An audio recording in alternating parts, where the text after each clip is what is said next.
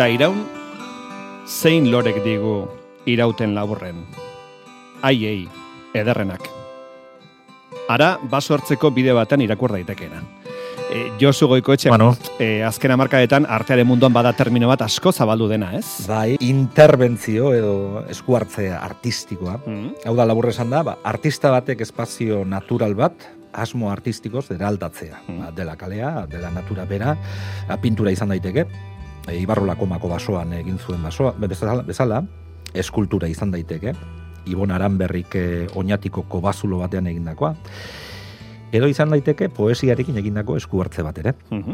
E, bueno, Kike Amonarrizak eman zidan alako baten berri lengoan, ezagutzen duzu tolosako benta hundizuk. Bai, no? ezagutzen dut, bai. Bai. bai, bai. Ba, hango auzoko ibilbide batean, norbaitek han eta hemen jarri ditu euskal poeten bertsoak. Mhm. Ibilaldian e, paseariak irakur ditzake, arestiren, lizardiren eta hartzeren poemak, adibidez.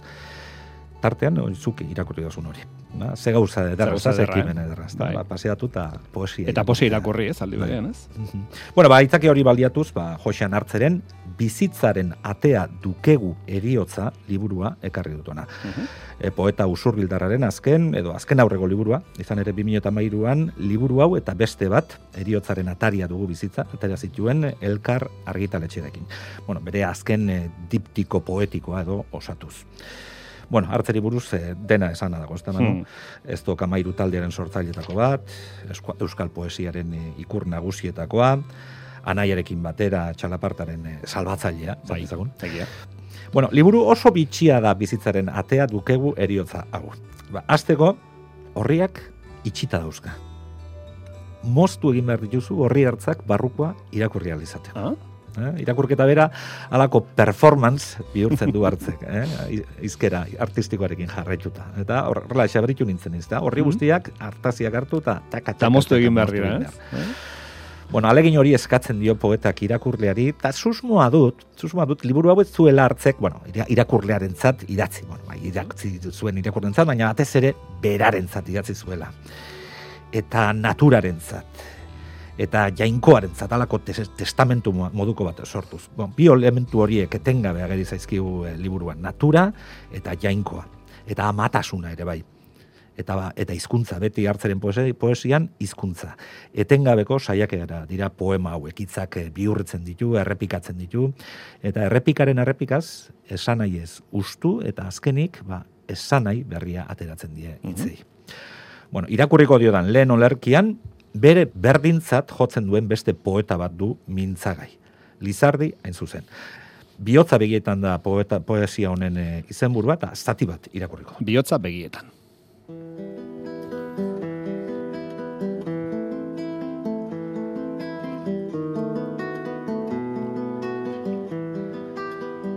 Begiak dizdiz izarrez. Biotza borbor sugarrez. Bero maitatu uen zein bero. Argi ikusi zein argi lizardi. Maite uena bihotzez ikusten uen begiez. Begiez ekusana maitatzen bihotzez maitatu uen hitza nola iztuna, hizkuntza nola herria. Maitatu izakia, gizakia, gizadia, izadia. Eta maitatu guztien gainetik, guztien gainetik dena.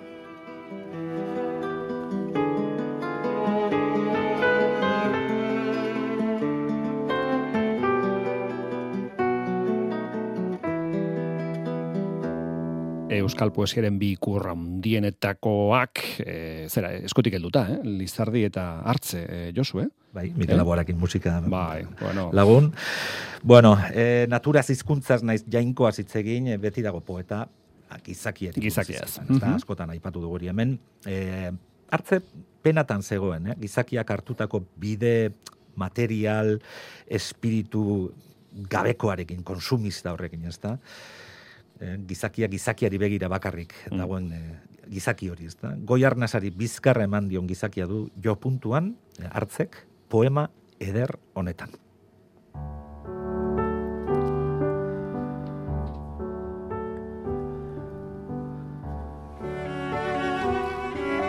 Ekia nora, lilia ara. Non eta den eguzkia, ezin bestera eta aruntz liliak begia.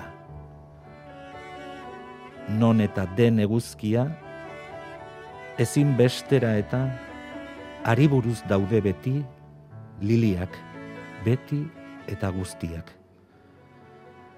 Lilietan den ederrena eta argiena behar lukeena da, alere, esker beltzekoena, lilia baino areagoko edertasunez eta argitasunez jauntzia, barrendik argitzen eta edertzen duen eguzkiari atzea emanik, ari begiratu nahi ezik egon oiden lili bakarra, gizakumea.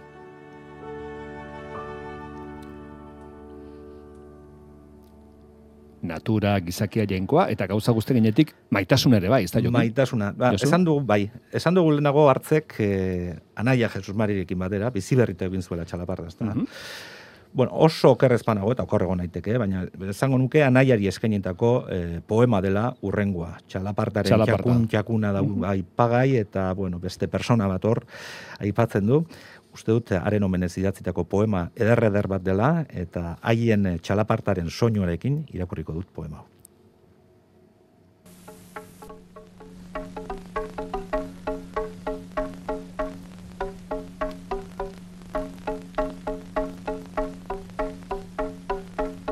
Zuhiltzeak ni ere hil nau.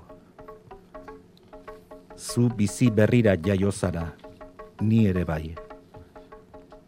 Ez da inola ere lehengoa oraingo ene bizia. Zu bizi zaren bizitik ere bizi naiz ni orain. Nigan bizi zarenez, bizi zaituenak ni ere bizi nauenez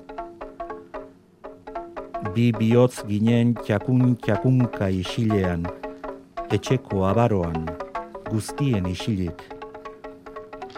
Jurrukutun bakun bakana maitakiro jotzen. Bihotzez bihotz elkarri, bestela esan ezinak xuxurlatzen. Bihotz bihotzez bion seme alabokin bilduz biziaren misterio joria ospatzen Periaingo eta uñamendietako eta aralarko mendi eta ibarretan barrena, arkaitzarteko erreken murmurioekin batera, gure zorionaren txakun txakunen oihartzuna zabaltzen. Bihotz bakarra gara gaur, beti erean, atergabe, txakun bakarra bitan jo eta jo, kantu bakarra kantatzen. Ni zu nauzu zu ni zaitut.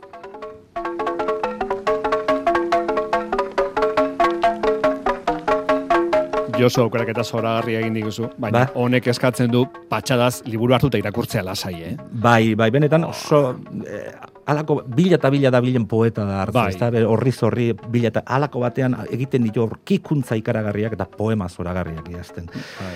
Em, eskuragarri eta errazago dago, balea zuriak orain dela hilabete gutxi batzuk argitaratu hartzaren eh, poema guztien antologia moduko bat, ezta? Mhm. Bere aurraren laburpen bat, enborretik izenekoa, eta bueno, eh, hurbilketa behar bada errezago bat liburu horretatik aurkituko du eh, hartzeren munduan sartu nahi duenak. Mm, ni zu nauzu, zu ni zaitut. Hartze, Josean hartze. Josu, urrengo estan gehiago. Hori da. Besarka handi bat. Bardin. Aio, aio.